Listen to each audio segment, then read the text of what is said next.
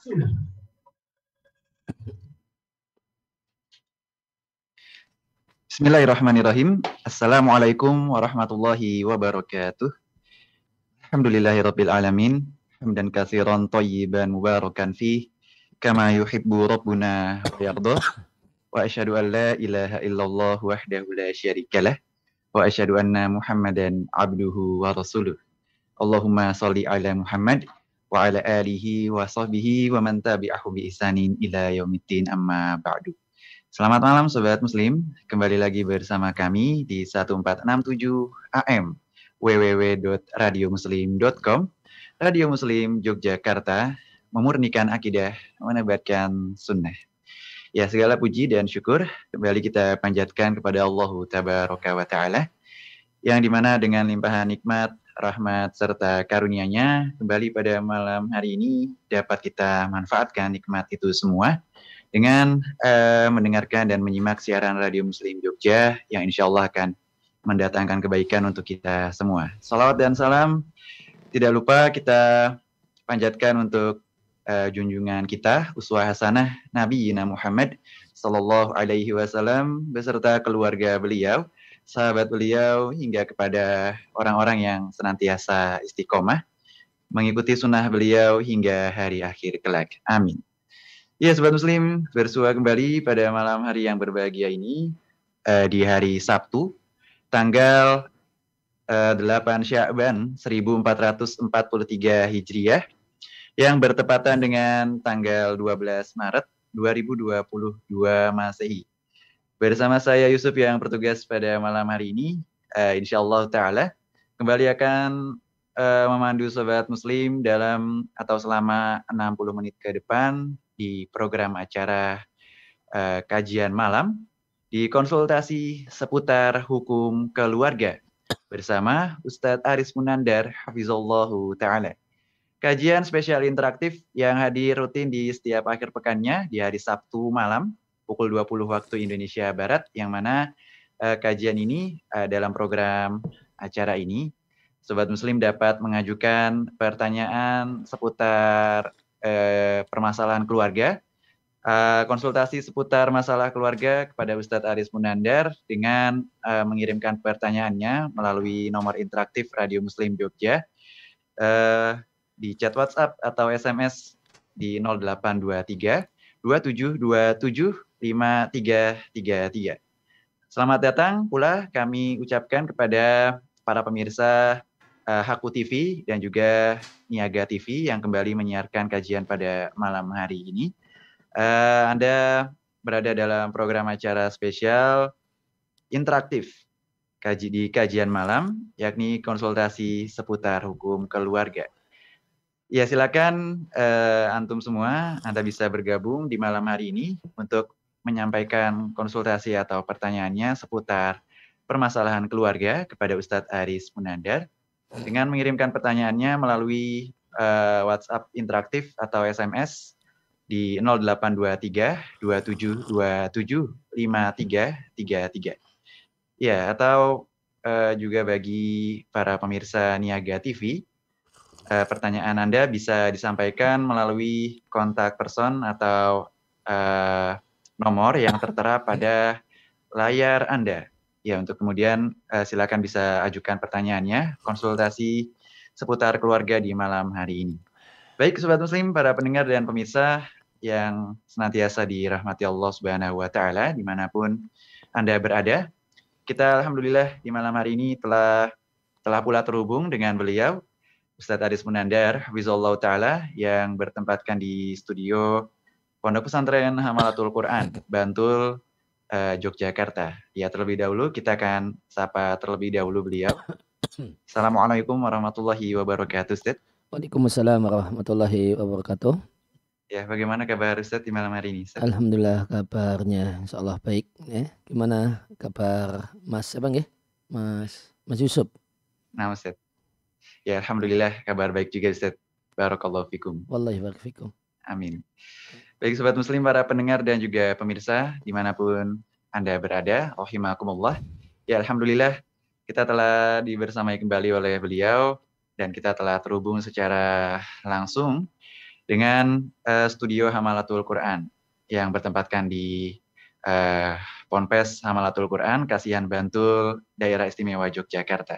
Ya, insya Allah kembali beliau di malam hari ini akan menyampaikan dan membersamai kita di dalam program acara kajian malam di kajian spesial interaktif konsultasi seputar hukum keluarga. Ya, seperti biasa, terlebih dahulu eh, sebelum beliau akan menjawab pertanyaan-pertanyaan yang masuk dari para pendengar dan para pemirsa semua di mana pun berada. Uh, kita uh, terlebih dahulu beliau akan menyampaikan materi pengantarnya dari kitab panduan uh, fikih keluarga.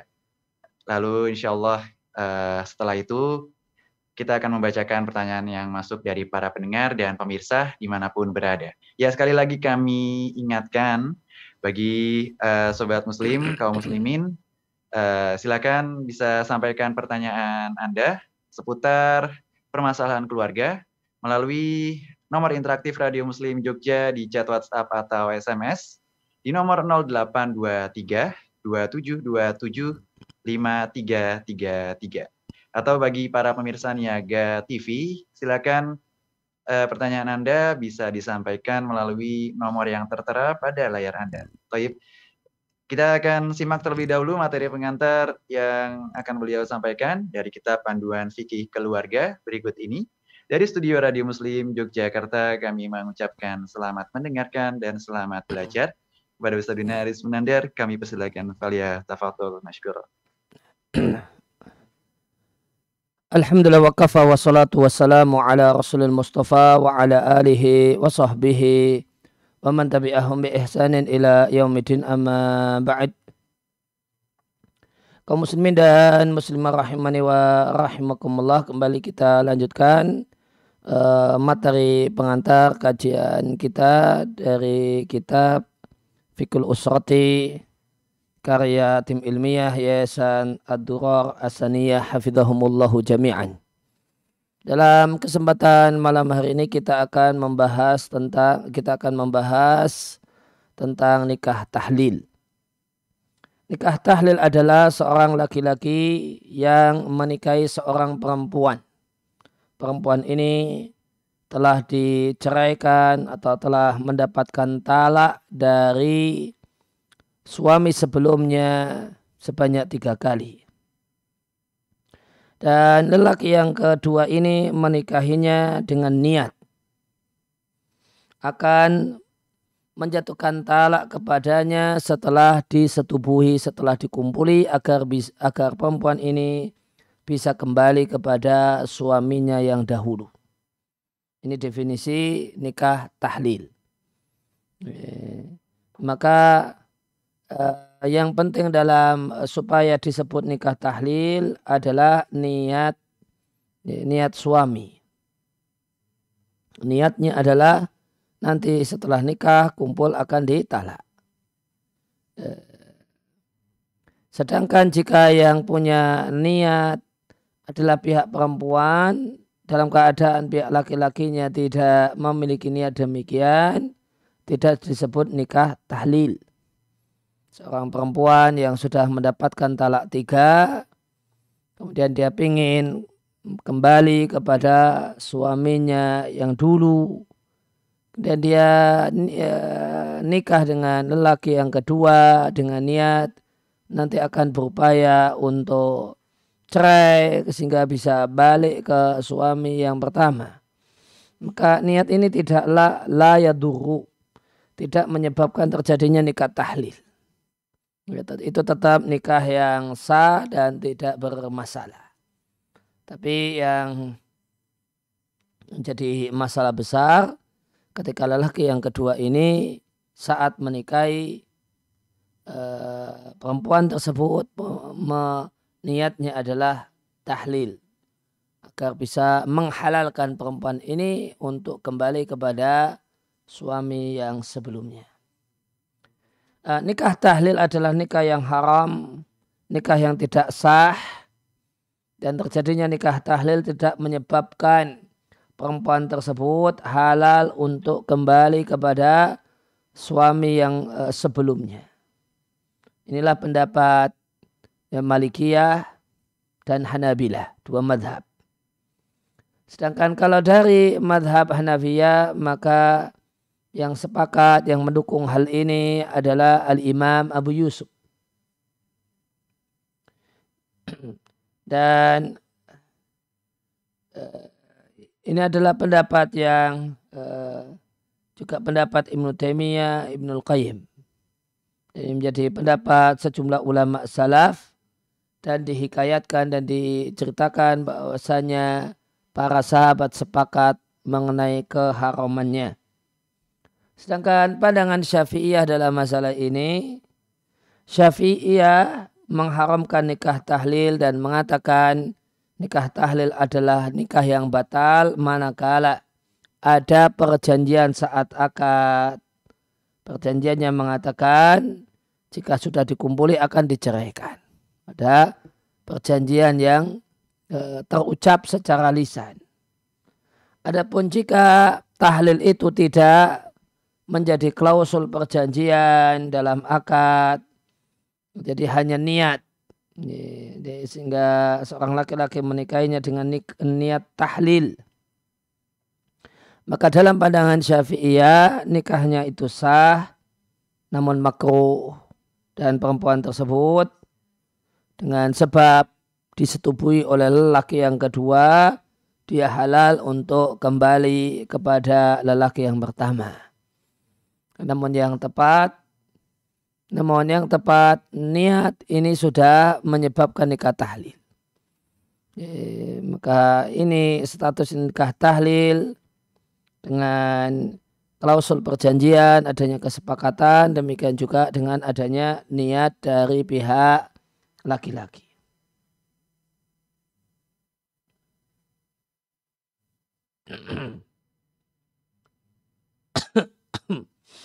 Nah, uh, tadi disampaikan bahwasanya keharaman nikah ini itu menurut sebagian ulama adalah ijma' sahabat. Itu dikatakan oleh Ibnu Taimiyah. Ibnu Taimiyah mengatakan nikahul muhallili nikah tahlil itu haram. Bijma'i bi ijma'i sahabati dengan ijma' para sahabat Umar, Utsman, Ali, Ibnu Mas'ud, Ibnu Abbas, Ibnu Umar dan selain mereka radhiyallahu anhum. Ibnu Taimiyah rahimahullah taala juga mengatakan valid dari para sahabat Nabi semacam Umar, Utsman, Ali, Ibnu Mas'ud, Ibnu Umar, Ibnu Abbas bahasanya mereka mereka melarang nikah tahlil dan tidaklah dikenal dari satupun sahabat yang memberikan kelonggaran terjadinya memberikan kebolehan atau membolehkan nikah tahlil. Ini, ini maka nukilan ijma' sahabat dibawakan oleh Ibnu Taimiyah rahimallahu taala.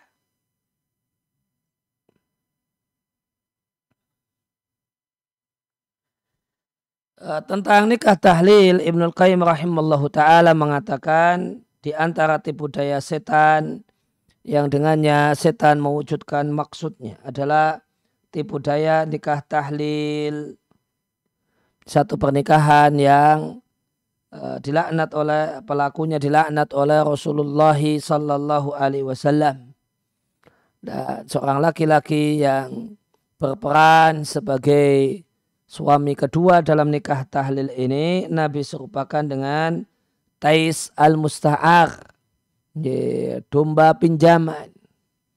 Pejantan pinjaman domba pejantan pinjaman dipinjam-pinjam.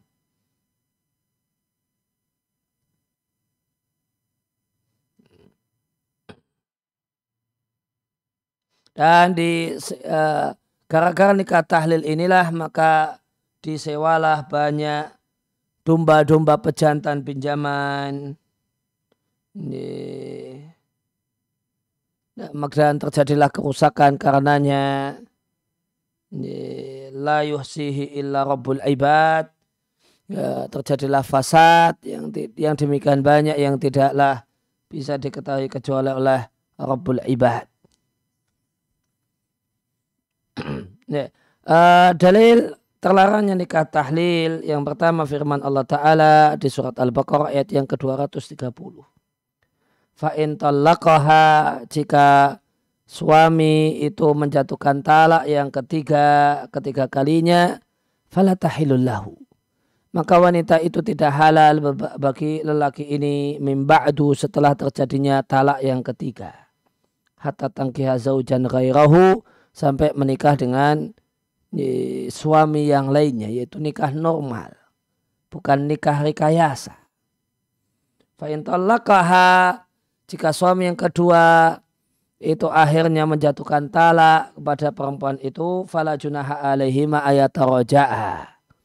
maka perempuan itu dengan lelaki pertama itu tidaklah dosa jika kembali indana ayyukima hududallahi jika keduanya menyangka bisa menegakkan aturan-aturan Allah wa tilka hududullah itulah aturan-aturan Allah yubayuna halikaumi ya'lamun yang Allah jelaskan untuk orang-orang yang berilmu. Maka Allah katakan perempuan yang telah mendapatkan talak ketiga dari suaminya itu tidak halal disetubui oleh lelaki tersebut hatta tangkiha zaujan ghairah sampai dia menikah dengan suami yang lain. Maka kalimat ini hatta tangkiya zaujan ghaira dalil haramnya nikah tahlil. Hmm, karena nikah kata-kata nikah dalam Al-Quran dan dalam hadis jika disebut nikah maka maknanya adalah nikah yang dikenal. Sedangkan nikah tahlil adalah nikah yang Eh, bersyarat yaitu atau nikah yang ada embel-embelnya yaitu nikah tahlil. Sehingga hukumnya haram sampai terdapat dalil yang membolehkannya.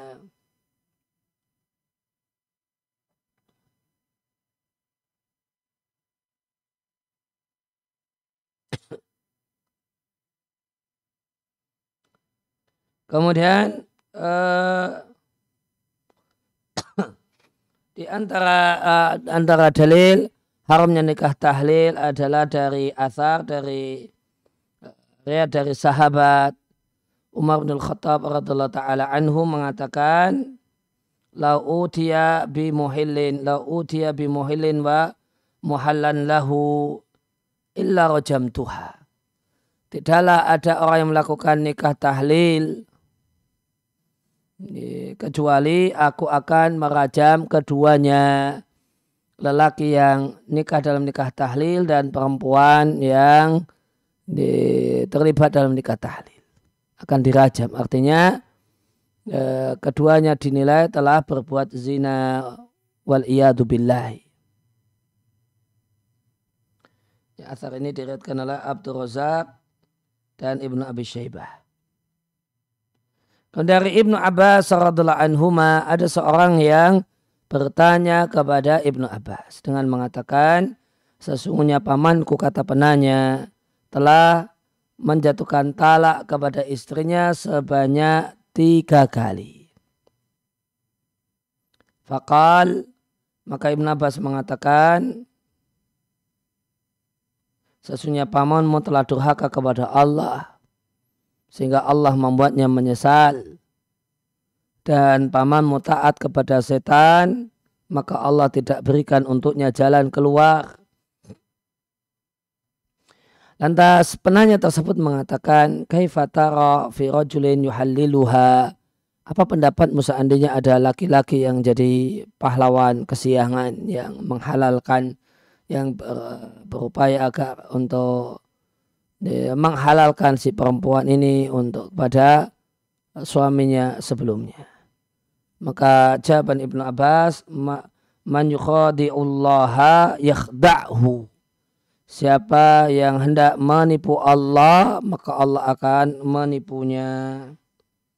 Dikeluarkan oleh Abdul Razak dan At-Tahawi dalam Syarah Ma'anil Athar.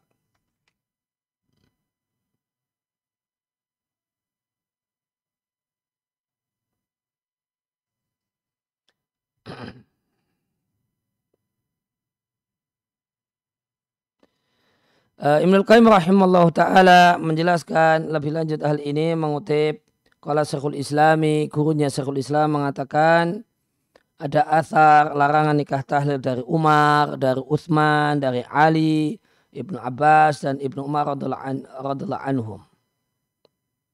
Ma'annaha nususun padahal asar-asar ini berisi teks untuk kasus orang yang lelaki yang niatnya tahlil dan tanpa menampakkannya dan tanpa ada kesepakatan untuk tahlil. Maka ya, tidak kalau tadi kan Syafi'iyah mensyaratkan kesepakatan. Asar yang ada yang tadi kita baca tidak mempersyaratkan adanya kesepakatan dan e, persyaratan. Hanya saja ya ketika nikah punya nikah niat tahlil maka itu nikah tahlil. Maka asar ini menjelaskan bahasanya inilah nikah tahlil. Dan lelaki dalam nikah tahlil itu terlaknat melalui lisan Rasulullah Sallallahu Alaihi Wasallam. Dan para sahabat Rasulullah Sallallahu Alaihi Wasallam itu lebih tahu tentang maksud Nabi dan keinginan Nabi. Lebih-lebih jika mereka meriatkan hadis larangan nikah tahlil, lantas mereka jelaskan dengan penjelasan yang sesuai dengan apa yang tersurat pada redaksi hadis. Ada demikian padahal lam yu'lam belumlah diketahui adanya seorang pun sahabat Rasulullah Shallallahu Alaihi Wasallam yang membedakan antara nikah tahlil dan nikah tahlil. Tahlil yang jadi persyaratan, tahlil manakala itu ada kesepakatan atau tanpa kesepakatan. Tidak ada pembedaan demikian mereka pun tidaklah memberikan kelonggaran dalam satu pun dari jenis-jenis nikah tahlil. Ya, baik nikah tahlil dengan uh, kesepakatan, ada perjanjian atau tanpa perjanjian.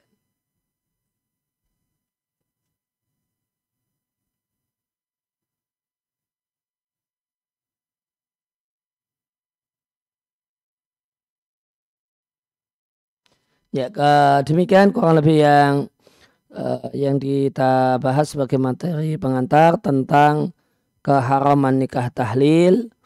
Baik nikah tahlil tersebut terjadi dengan adanya klausul perjanjian antara lelaki yang kedua dengan dengan perempuan itu atau uh, cukup dengan semata-mata niat dari lelaki yang kedua untuk menghalalkan ya, perempuan itu. Itu sudah nikah tahlil.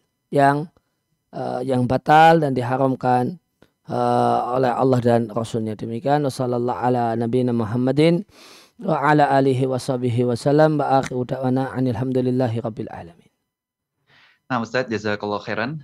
Terima kasih atas uh, materi pengantarnya yang telah disampaikan di sesi pertama ini. Ya baik uh, kaum muslimin, para pendengar dan pemirsa, rahimani wa rahimakumullah di mana pun Anda berada. Uh, ya demikian tadi alhamdulillah kita telah menyimak uh, materi pengantar di sesi pertama yang telah kita ikuti bersama pada malam hari ini. Di mana beliau uh, Ustadz Aris Munandar telah menyampaikan materi pengantarnya dari kitab panduan Fikhul Usrah dan pembahasan pada malam hari ini seputar nikah tahlil. Ya, lalu sebagaimana informasi yang telah kami sampaikan sebelumnya, Sobat Muslim, para pendengar dan pemirsa. Silakan untuk selanjutnya kita akan uh, masuk di sesi kedua, di mana uh, dalam sesi kedua pada kesempatan kali ini kita akan membacakan pertanyaan-pertanyaan dari para pendengar dan pemirsa sekalian di mana pun berada, terutama pertanyaan mengenai permasalahan keluarga. Ya, silakan uh, Anda bisa sampaikan konsultasi Anda melalui uh, layanan chat WhatsApp atau pesan singkat SMS di nomor interaktif Radio Muslim Jogja di 0823 2727 5333. Dan untuk pemirsa Niaga TV, eh, untuk pertanyaan pemirsa yang menyimak melalui Niaga TV, silakan konsultasinya atau pertanyaannya bisa disampaikan melalui kontak yang tertera pada layar televisi ataupun monitor Anda. Nah, ya baik eh, kita akan bacakan pertanyaan-pertanyaan yang masuk set di malam hari ini. Pertanyaan pertama melalui chat WhatsApp Uh, Assalamualaikum warahmatullahi wabarakatuh, Ustaz. Waalaikumsalam warahmatullahi wabarakatuh. Uh, izin bertanya, saya memiliki ayah yang suka sekali berkata kotor setiap hari, disebabkan karena penyakit yang dideritanya. Sudah dinasihati, tapi tetap saja, Ustadz. Saya minta juga untuk merubah pola hidup, tetap saja demikian. Bahkan kakak laki-laki saya pun juga sama wataknya dengan bapak, termasuk keponakan laki-laki juga. Saya harus bagaimana ya Ustadz? Terima kasih. Mohon nasihatnya Ustadz. Ya, tentu lingkungan tersebut menjadi apa racun ya apa bahasa uh, tenarnya sekarang apa tonik apa toksik yaitu jadi racun. Dan uh, maka yang bisa disarankan dalam kondisi ini adalah uh, meminimalisir interaksi dengan orang-orang yang lisannya lisan yang buruk, lisan yang kotor. Karena itu maksiat telinga. Dan ada kewajiban untuk menegur ketika mendengar ucapan-ucapan yang kotor. Jika tidak bisa menegur, sudah bosan untuk negur, maka solusinya adalah menghindarinya. Menghindari tidak mungkin karena belum menikah, maka menjauhinya sebisa mungkin. Ya, dan jika ini posisinya belum menikah, dengan ini disarankan untuk segera menikah sehingga punya alasan untuk uh, mengurangi pertemuan dengan orang-orang yang uh, jadi ucapannya jadi racun untuk pendengaran kita. Nah. Nah, Ustaz Jazakallah khairan atas nasihatnya. Kemudian kita kembali bacakan pertanyaan selanjutnya, Ustaz. Dan ini adalah pertanyaan yang belum sempat terbaca di pertemuan lalu, Ustaz. Kita akan bacakan. Uh, Bismillah. Assalamualaikum warahmatullahi wabarakatuh. Ustaz. Waalaikumsalam warahmatullahi wabarakatuh. Uh, Afwan Ustaz, Alhamdulillah, Ana telah menikah dan kami mulai belajar sunnah. Di tahun ketiga pernikahan kami, Qadarullah wa masya'a fa'al, kami diuji dengan adanya orang ketiga. Ana merasa sakit hati kepada suami maupun kepada pihak ketiga Insya Allah Ana sudah memaafkan suami, menasihati, dan meminta segera bertaubat. Begitupun Ana juga sudah mengingatkan kepada pihak ketiga tersebut agar juga bertaubat atas perbuatannya. Ya, yang ingin ditanyakan, Ustadz, tetapi apakah Ana berdosa apabila Ana berkata, Insya Allah saya sudah memaafkan Anda ketika Anda sudah benar-benar bertaubat. Kemudian yang kedua, apakah Ana juga berdosa Ustadz apabila sudah tidak berkomunikasi lagi dengan pihak ketiga tersebut karena Ana merasa sakit hati. Ana memohon ampun kepada Allah dan Ana mohon nasihat dari Ustaz. Silakan Ustaz.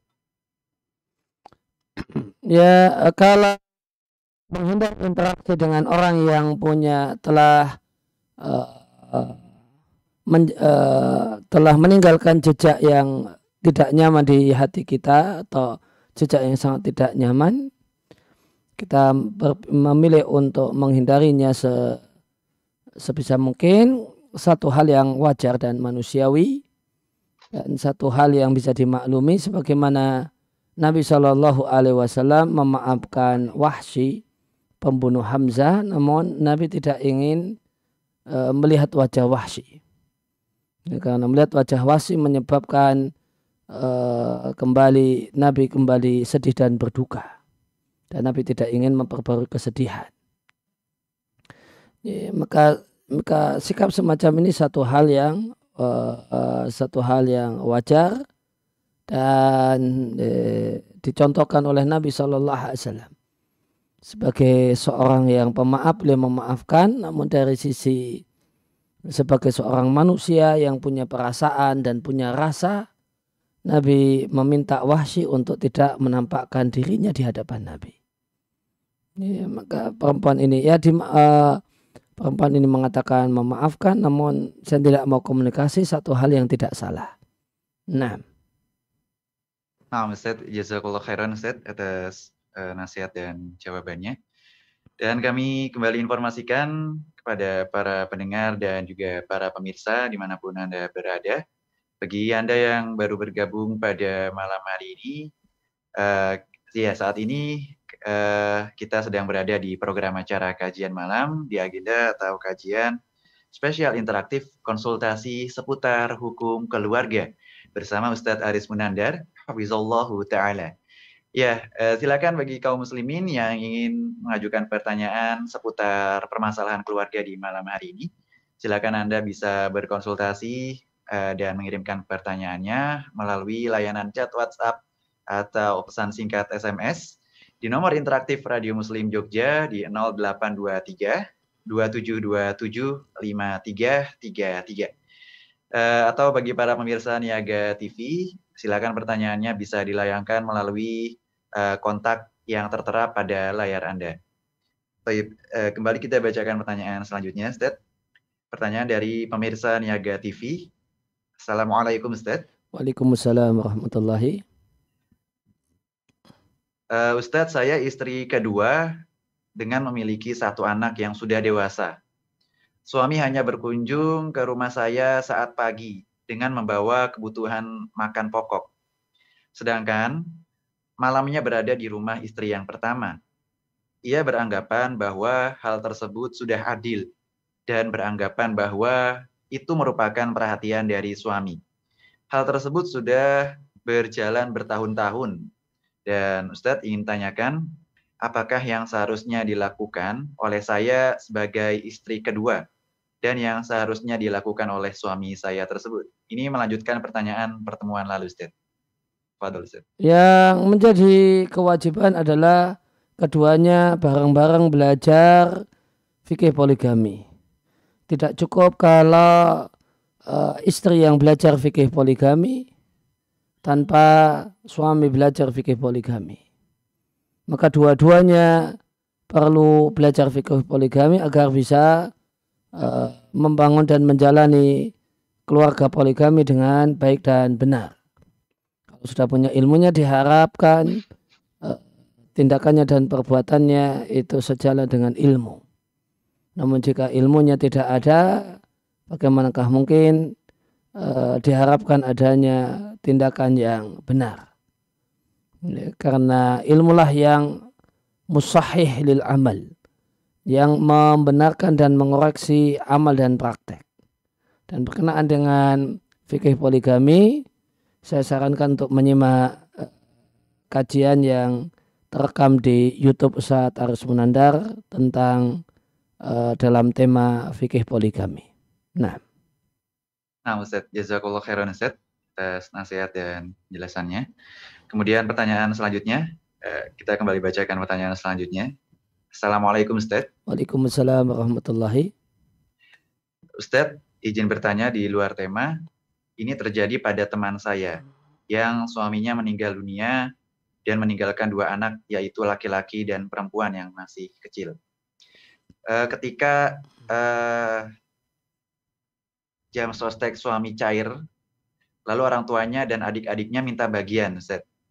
Pertanyaan yang pertama, siapa sajakah yang berhak mewarisi harta suami tadi, yakni suami uh, tinggal di rumah istri dan berapa bagiannya masing-masing ahli waris, Ustaz. Ya, Kemudian uh, ya. Uh, saya jawab dulu. Nah, Ustaz. Berarti uh, meninggalkan anak laki-laki, satu laki-laki, satu perempuan ya Mas tadi? Uh, iya Ustaz, dua anak ya laki-laki dan perempuan masing-masing satu Ustaz. Iya, uh, maka bagian istri seperdelapan, kemudian uh, saudara suami itu tidak mendapatkan bagian, kalau kemudian ada orang tua suami tadi bilangnya ya? Uh, orang tua, ya, orang tua dan adik-adiknya. Iya, orang tua. Kemudian orang tua suami, ya ibu suami itu ya, jatahnya seperenam. Ya, kemudian ayah suami eh, jatahnya seperenam. Kemudian sisanya adalah untuk anak. Ya, untuk anak. Uh, dengan nanti pembagian uh, nanti apa yang tersisa itu untuk anak itu dibagi menjadi tiga bagian, dua bagian untuk anak laki-laki, satu bagian untuk anak perempuan. Saudara tidak dapat warisan karena tertutup oleh uh, adanya ayah, ayah mayit. Demikian juga tertutup dengan keberadaan uh, anak laki-laki. Nah, nah Ustaz, ya terima kasih atas jawabannya Ustaz. Kemudian pertanyaan yang kedua Ustaz, uh, lalu siapa yang wajib menanggung biaya hidup menantu dan cucunya yang tadi Ustaz? Karena istri atau menantu hanya pegawai honorer yang gajinya kecil dan tidak mencukupi kebutuhannya. Ya, istri punya punya hak untuk mendapatkan nafkah dari atau terpenuhi dari uh, jatah istri seperdelapan itu. Demikian juga de, untuk anak maka dia bisa dinafkahi dengan harta warisan. Ini harta warisan yang diwariskan oleh suami tadi di antaranya sumbernya dari jam sostek misalnya. Dan seandainya itu habis, ya seandainya itu habis, uh, maka di, ini cucu ini ini berhak untuk kemudian mendapatkan nafkah dari kakeknya. Ya, cucu ini berhak untuk mendapatkan nafkah dari kakeknya. Sedangkan uh, sedangkan sang ibu yang ditinggal mati oleh suaminya ini dia tadi menyampaikan dia punya pekerjaan honorer, maka dia di, memiliki kewajiban untuk menafkahi dirinya sendiri. Memiliki kewajiban untuk menafkahi dirinya sendiri dan jika itu tidak cukup, betul-betul tidak cukup, maka dia punya hak nafkah dari ayahnya jika ayah kandungnya, jika ayah kandungnya masih ada. Nah. Ya Ustaz, jazakallah khairan Ustaz atas jawabannya. Kemudian kita kembali bacakan pertanyaan selanjutnya, Ustaz. Dari pemirsa Niaga TV. Assalamualaikum, Ustaz. Waalaikumsalam warahmatullahi. Ustaz, apa kiat-kiat agar saat suami istri berjauhan, kami tidak tergoda oleh wanita atau pria lain? Mohon nasihatnya, Ustaz. Uh, solusinya adalah meninggalkan LDR se -se secepat mungkin. Dan itu menutup kehadiran pihak ketiga, pihak keempat, dan seterusnya. Itu solusinya. Salah satu wajib ngalah, dan yang utama adalah ini istri wajib ngalah dan mengikuti suami. Ini, utamakan keluarga dibandingkan karir, ya, dibandingkan dengan harta. Ini, karena ini yang uh, ini yang kemudian uh, membuat terjadinya LDR.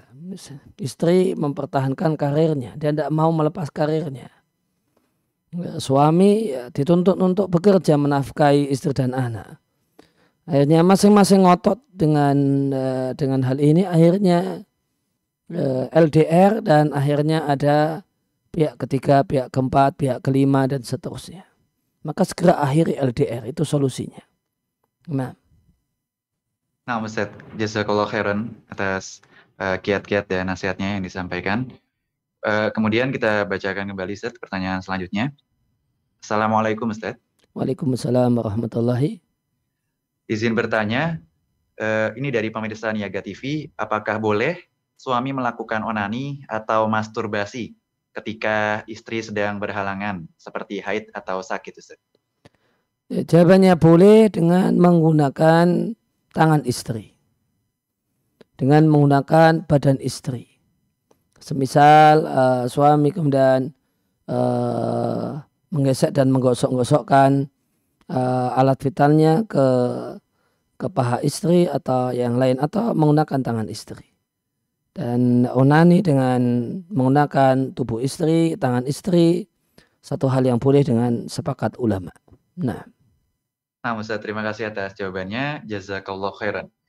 Kembali kami mengingatkan kepada kaum muslimin, Sobat Muslim, para pendengar dan pemirsa, rohimani wa rohimakumullah.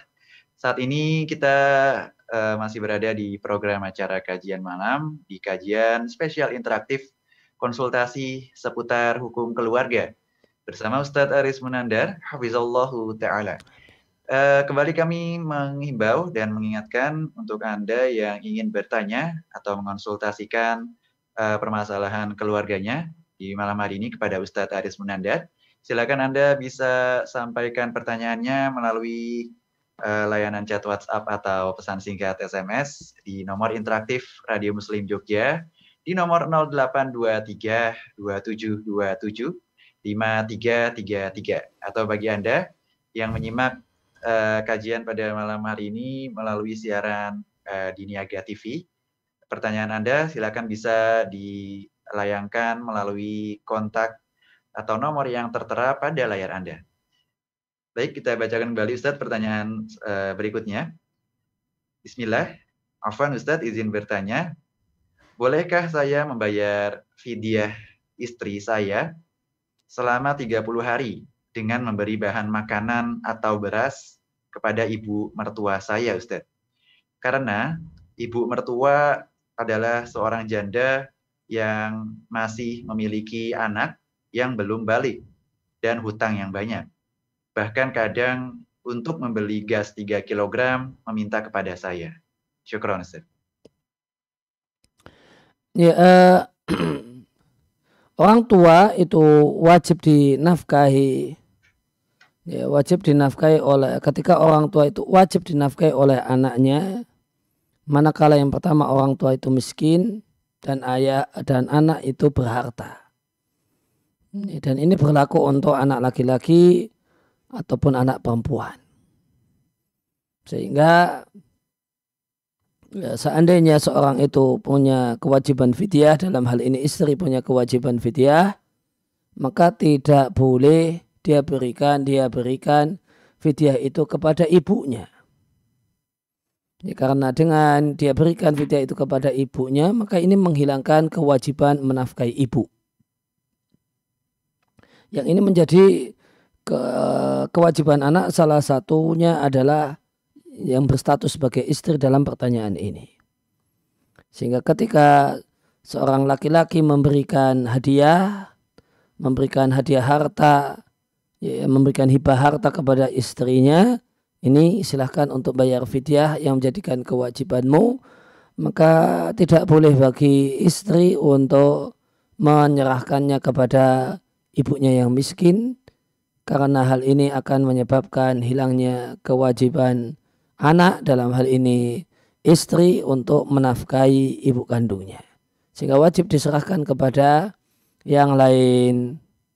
Di, di adapun ibu, di, maka istri punya uh, anak perempuan ini punya kewajiban untuk membantu finansial ibu. Nah, berkenaan dengan apa yang menjadi kebutuhan utamanya semacam gas 3 kilo dan eh, kebutuhan vital dan mendasar lainnya. Nah. Nah, Ustaz, jazakallah khairan. Kita bacakan kembali Ustaz pertanyaan berikutnya. Bismillah. Assalamualaikum Ustaz. Waalaikumsalam warahmatullahi. Semoga Ustaz selalu dalam lindungan Allah. Amin. Amin. Uh, Ana seorang tolibul ilmi yang sudah menikah dan sekarang Ana mendapatkan beasiswa kuliah di salah satu universitas sunnah di Indonesia. Akan tetapi, eh, keadaan Ana sangat minim ekonomi karena beasiswa hanya mencakup biaya semester saja, Ustadz. Belum biaya hidup dengan istri. Pertanyaan Ana, sebaiknya apakah yang harus Ana lakukan, Ustadz? Apakah Ana berhenti kuliah untuk bekerja guna menghidap guna menghidupi keluarga atau Anda tetap lanjut kuliah dengan keadaan yang sangat minim karena istri juga sedang hamil. Jazakallah khairan. Ya, maka ini perlu dimusyawarahkan dengan istri, kesiapan istri dengan kondisi yang sangat minim. Ya, apakah bersedia? Kemudian eh, eh, kemudian dan bisa juga kemudian dengan Eh, dengan eh, mengajukan diri kepada uh, uh, sejumlah lembaga pendidikan yang ada untuk minta bantuan uh, apa diminta bantuan biaya hidup nanti bisa dengan kesepakatan semacam pengabdian apa uh, istilahnya ikatan dinas. Ya, ajukan diri ke sejumlah lembaga uh, pendidikan. Ya, kemudian tolong bantu saya untuk belajar. Saya punya minat kuat untuk belajar. Untuk biaya ya, SPP-nya sudah ada yang nanggung. Biaya hidupnya saya kesulitan. Dan saya bersedia untuk uh, berada dalam ikatan dinas. Yaitu nanti setelah selesai belajar akan kembali ke lembaga tersebut uh, mengabdi dan mengajar di lembaga tersebut. Insya Allah, uh, insya Allah banyak lembaga yang bersedia untuk uh, untuk kemudian hal semacam ini. Banyak lembaga yang memiliki kebutuhan SDM, namun kesulitan untuk uh, mendapatkannya. Dan ini di antara solusi. Jadi ini solusi untuk keluar uh, untuk lembaga yang memiliki kebutuhan SDM dan solusi bagi penanya yang memiliki kesulitan uh, kesulitan untuk bisa eksis belajar. Nah. Nah, Ustaz Jazakallah khairan atas jawabannya. Ya, kita bacakan kembali Ustaz pertanyaan berikutnya. Assalamualaikum Ustaz. Waalaikumsalam warahmatullahi Ahsanallahu ilaik. Wa ilaik. Izin bertanya Ustadz, bagaimana hukum beli barang yang dilelang negara? Di mana calon pembeli diwajibkan untuk memberikan uang jaminan dengan nominal tertentu dan pemenang lelang diwajibkan untuk melunasi jika tidak uang jika tidak dilunasi uang jaminan tidak dapat dikembalikan Ustaz. Begitu juga adanya pajak sebesar 2% yang ditanggung pemenang. Nah, mohon jawabannya. Ustaz. Kalau gambarannya sebagai semata-mata sebagaimana yang disampaikan oleh penanya, insya Allah tidak mengapa. Ya, jadi ada uang yang harus dipasang terlebih dahulu, eh, kemudian nanti jika menang, kemudian dia lunasi, dengan itu nanti uang yang dipasang tadi yang sebagai jaminan agunan bisa diambil. Eh, kalau semata-mata hal semacam ini, insya Allah tidak masalah. Nah. Nah, Ustaz, jazakallah khairan. Iya, eh, kembali kami ingatkan bagi sobat muslim, kaum muslimin, para pendengar dan pemirsa di mana pun Anda berada, masih tersisa beberapa waktu atau beberapa menit ke depan. Bagi antum yang ingin bertanya, silakan bisa disampaikan pertanyaannya melalui WhatsApp atau SMS di nomor 0823 2727 5333 atau uh, bisa disampaikan bagi pemirsa Niaga TV. Silakan pertanyaannya bisa dilayangkan melalui nomor yang tertera pada layar Anda. Pertanyaan selanjutnya Ustaz, kita kembali bacakan. Uh, Bismillah, Assalamualaikum warahmatullahi wabarakatuh. Waalaikumsalam warahmatullahi wabarakatuh. Ahsanallahu ilaikum. Wa ilaikum. Amin. Uh, Ustadz, menyambung pertanyaan mengenai nafkah istri yang ditinggal mati suaminya dan tidak punya anak. E, bapak si istri juga sudah meninggal, namun si istri punya saudara laki-laki. Nafkah si istri apakah menjadi tanggungan saudara laki-lakinya, Ustaz? Uh, nafkah seorang perempuan apakah menjadi tanggungan saudara laki-lakinya? Satu hal yang diperselisihkan ulama Ya, kalau mengacu pada mazhab syafi'i maka tidak menjadi tanggungan saudara laki-lakinya. E, nafkah untuk kerabat atau orang yang punya hubungan darah dalam mazhab syafi'i hanya berlaku untuk jalur ke atas dan ke bawah. Sedangkan untuk ke samping tidak.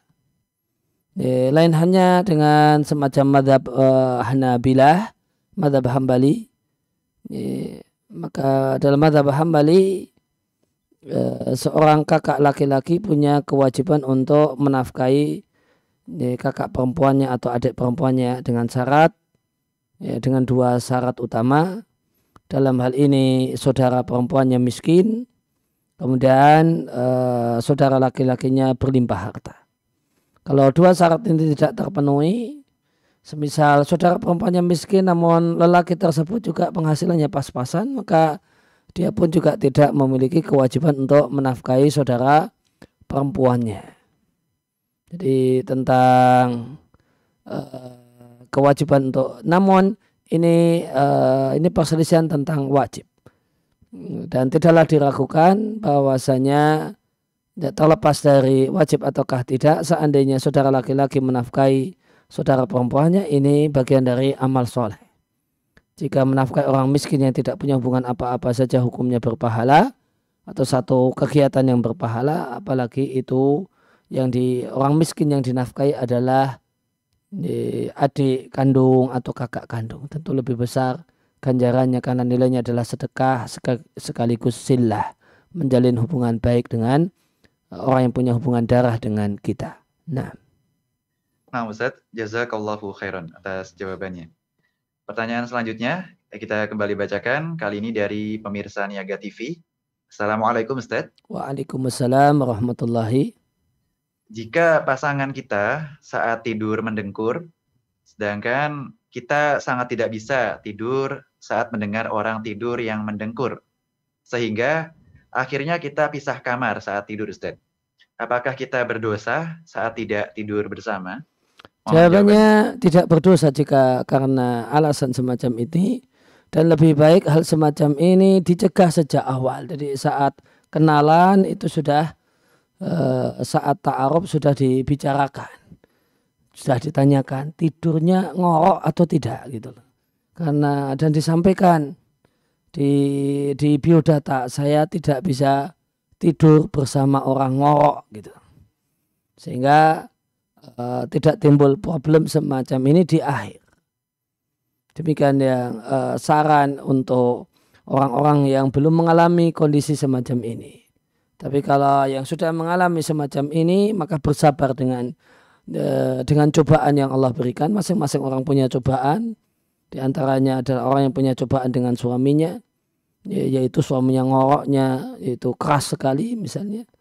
E, ataukah kemudian e, sabar dan dibuat kesepakatan nanti kalau sudah tidur saya pindah kamar ya.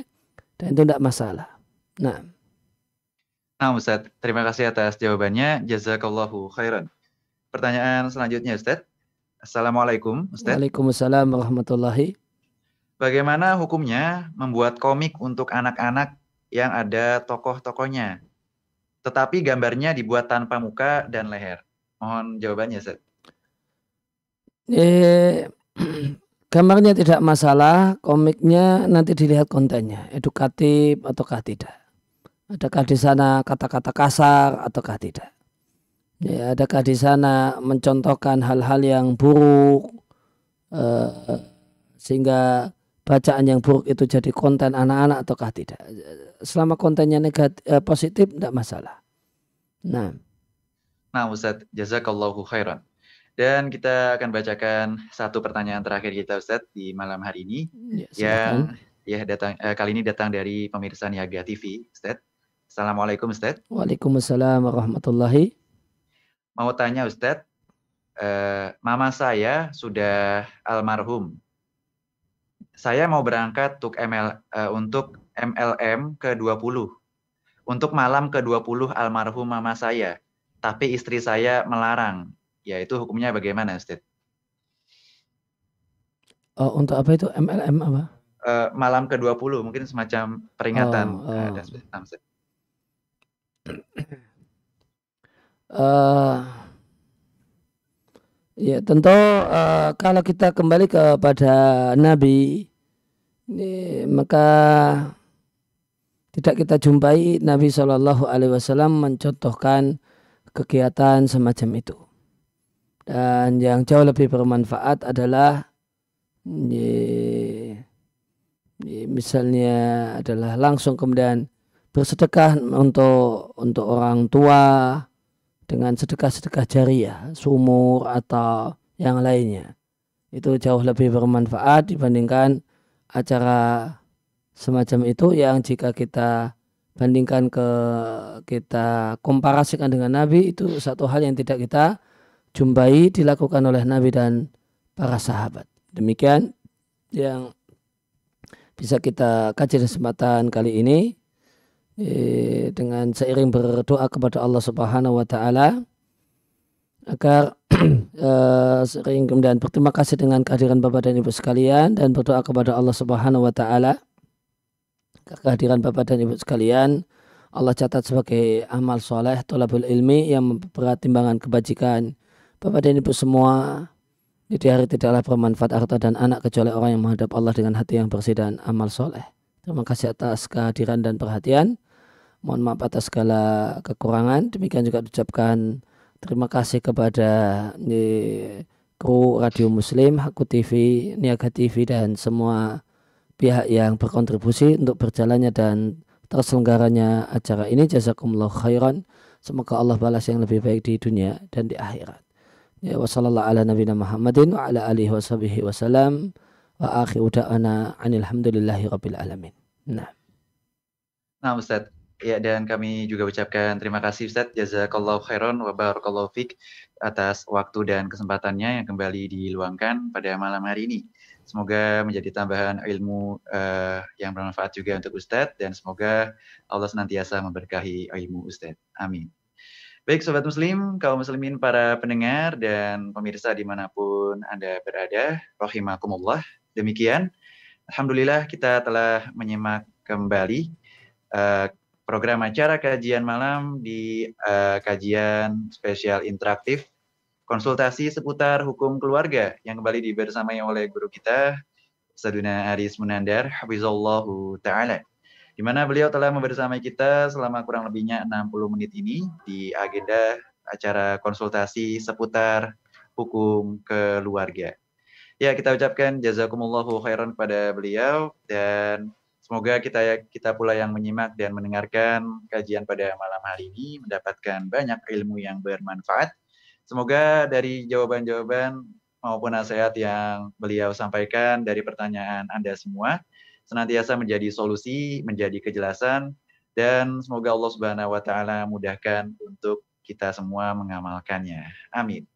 Ya demikian sobat muslim, insya Allah eh, program acara kajian malam konsultasi seputar hukum keluarga bersama Ustadz Aris Munandar, Hafizullah Ta'ala, kembali akan hadir di pertemuan selanjutnya yang rutin disiarkan setiap hari Sabtu malam mulai pukul 20 waktu Indonesia Barat.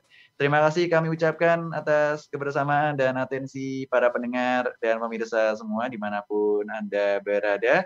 Kami juga mohon maaf atas beberapa pertanyaan yang Qadarullah belum sempat terbacakan pada malam hari ini karena keterbatasan waktu kita dan kami uh, ucapkan kepada Anda untuk tidak berkecil hati. Insya Allah pertanyaan yang belum sempat terbaca akan kami bacakan di kesempatan selanjutnya biiznillahi taala. Ya demikian perjumpaan kita di dalam program acara kajian malam konsultasi seputar hukum keluarga bersama Ustadz Aris Munandar Hafizullah taala di malam hari ini. Kita tutup dengan doa kafaratul majlis. Subhanakallahumma wa bihamdika asyhadu an la ilaha illa anta astaghfiruka wa atubu ilaik. Dan saya Yusuf mewakili segenap kru yang bertugas mohon pamit undur diri. Jazakumullahu khairan wa barakallahu fikum. Assalamualaikum warahmatullahi wabarakatuh.